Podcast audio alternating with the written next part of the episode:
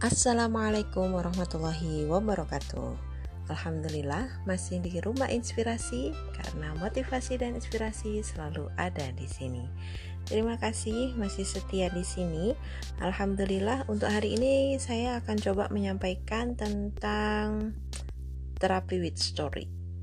Ya, tentang terapi dengan bercerita. Yang kali ini saya dapatkan tulisan tentang terapi with story ini dari tulisan Kak Wawan Husdiawan di buku Golden Parenting, pengasuhan keemasan di era milenial yang, yang diterbitkan oleh KMU Indonesia. Langsung saja kita mulai ya. Dulu di usia 4 tahun putra saya Muhammad Ubay Zakirul Robih biasa dipanggil Ubay waktu itu Ubay sangat takut pada badut kalau sekali saja lihat badut, dia langsung menggigil, menangis teriak, dan sembunyi sendiri. Bahkan saking takutnya, mungkin saya tidak mudah menggambarkan melalui tulisan ini tentang bahasa tubuh ketakutan si Ubay. Saya rada bingung bagaimana membantunya. Belum tahu apa yang harus dilakukan kala itu. Lebih-lebih adiknya yang berusia tiga tahun yaitu Yakis juga ikut-ikutan takut sama badut. Ikut-ikutan mengkopi perasaan kakaknya yang anti badut. Saya dan istri mencari cara, men-searching di Google tapi belum ketemu teknik praktisnya. Syukurnya beberapa waktu kemudian saya mengikuti training Neuro-Linguistic Programming dan Professional Clinical Hypnotherapy. Di training inilah saya mendapat gambaran bagaimana bisa membantu anak saya keluar dari rasa takut itu. Menurut coach kami, yang paling mudah untuk menstimulus anak-anak adalah dengan cerita. Ini senada dengan apa yang dikatakan dalam psikolog ya oleh para psikolog yang paling dan yang paling penting Al-Qur'an juga menggunakan metode ini. Bahkan ada salah satu surat yang khusus yang judul surat tersebut adalah Al-Qasas, artinya cerita. Hal inilah yang saya lakukan kepada dua jagoan saya, yaitu Ubay dan Yakis. Menstimulus keberanian mereka dengan cerita dan pola bahasa positif. Ingin tahu bagaimana caranya? Alhamdulillah dengan izin Allah anak saya Ubay dan Yakis saat ini usia 4 dan 5 tahun mereka senang sekali bermain bersama badut. Bahkan dia pun pernah menjadi badut alias memakai kostum badut. mau tahu atau mau tahu banget? Nah tekniknya sederhana kok. Ini bisa dilakukan oleh siapa pun dan bisa untuk ketakutan apa pun. Misalnya anak-anak susah makan, tidak mau gosok gigi, suka berkelahi, bisa juga menggunakan teknik ini. Terapi with story. Begini cara sederhananya. Yang pertama, tentukan tujuannya. Dalam hal ini, anak saya tujuannya adalah untuk menghilangkan rasa takut terhadap badut. Yang kedua, siapkan sebuah cerita Berikut contoh cerita yang bisa dijadikan referensi. Tentu Anda bisa membuatnya sendiri ya, sesuai dengan imajinasi ayah dan bunda. Dahulu ada seorang anak TK. Nah, namanya Dino. Dino senang sekali bermain bersama dengan adiknya. Main lompat-lompat, main lari-larian, dan juga bermain peran. Akan tetapi, suatu hari dia datang ke acara ulang tahun temannya. Di sana dia melihat badut. Tidak tahu kenapa teman-temannya yang lain senang sekali melihat badut. Badutnya joget-joget, nyanyi-nyanyi. Eh, tapi si Dino ini malah nangis, takut sampai lari. Bahkan minta dipeluk sama ibunya.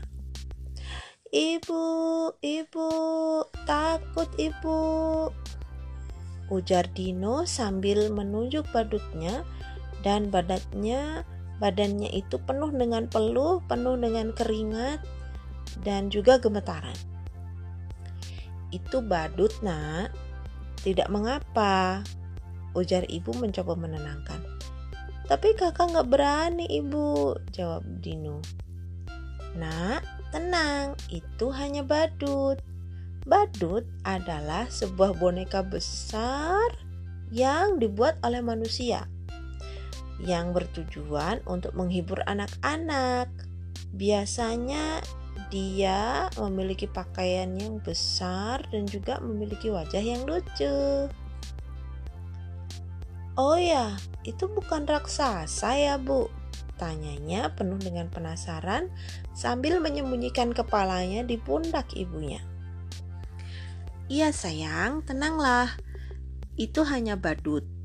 Sebenarnya dia hanya ingin menghibur anak-anak kok. Nasihat ibunya. Oh begitu ya bu. Iya nak. Ingat loh, kita hanya boleh takut pada Allah, ucap ibunya. Siap ibu, kata Dino. Ingat, kita juga harus banyak berdoa agar kita hanya takut pada Allah. Oke? Oke ibu, kata Dino. Nah, sejak saat itu, dia berhenti takut pada badut si Dino bahkan berani loh joget-joget sama badut. Nah, contoh cerita itu bisa dikembangkan sedemikian rupa. Cara yang ketiga adalah ceritakan berulang kali.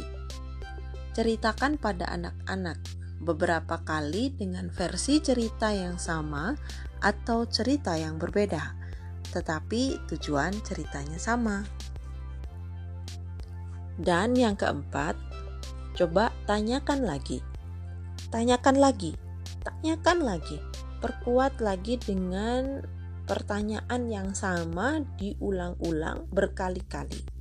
Nah, jadi dikuatkan lagi dengan kalimat-kalimat yang positif. Contoh kalimat tanya. Boleh nggak kita takut sama badut? Tidak gitu ya. Ya, kita takut dan cinta sama siapa?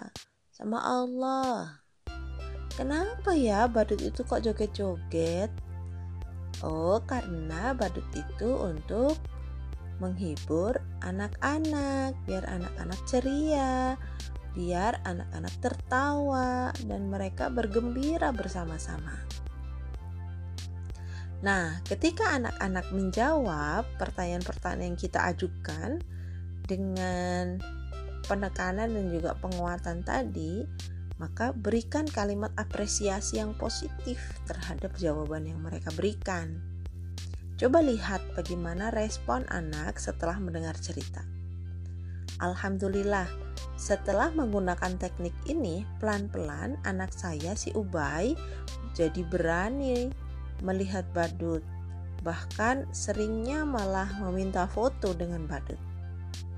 Catatannya adalah ceritanya perlu beberapa kali, tidak cukup hanya sekali, dan dengan cerita yang berbeda. Bisa juga dengan mengajukan beberapa pertanyaan terkait dengan cerita, seperti tadi ya. Boleh nggak takut sama badut? E, kita boleh takutnya sama siapa? Kita harus cinta sama siapa? Sama Allah gitu kan ya. Jadi itu untuk penguatan pemahaman anak-anak.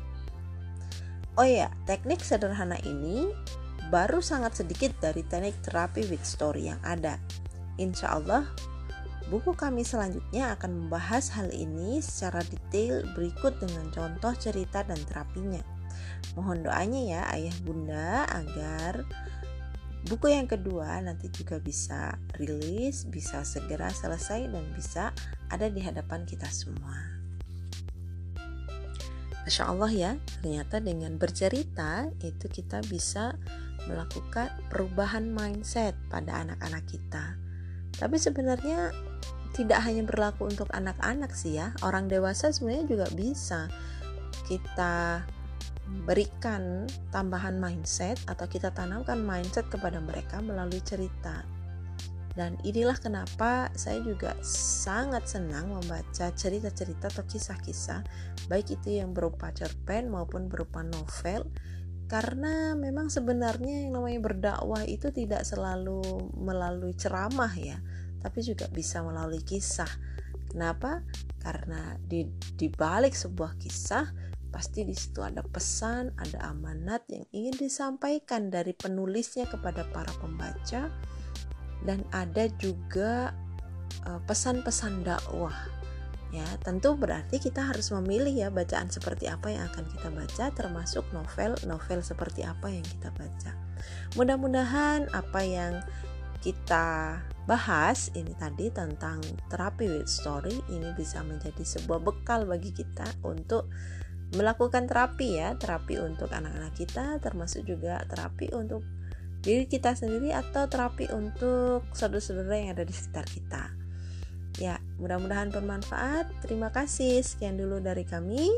Saya Dinur Khotimah Ummu Zaki Abdurrahman. Wassalamualaikum warahmatullahi wabarakatuh.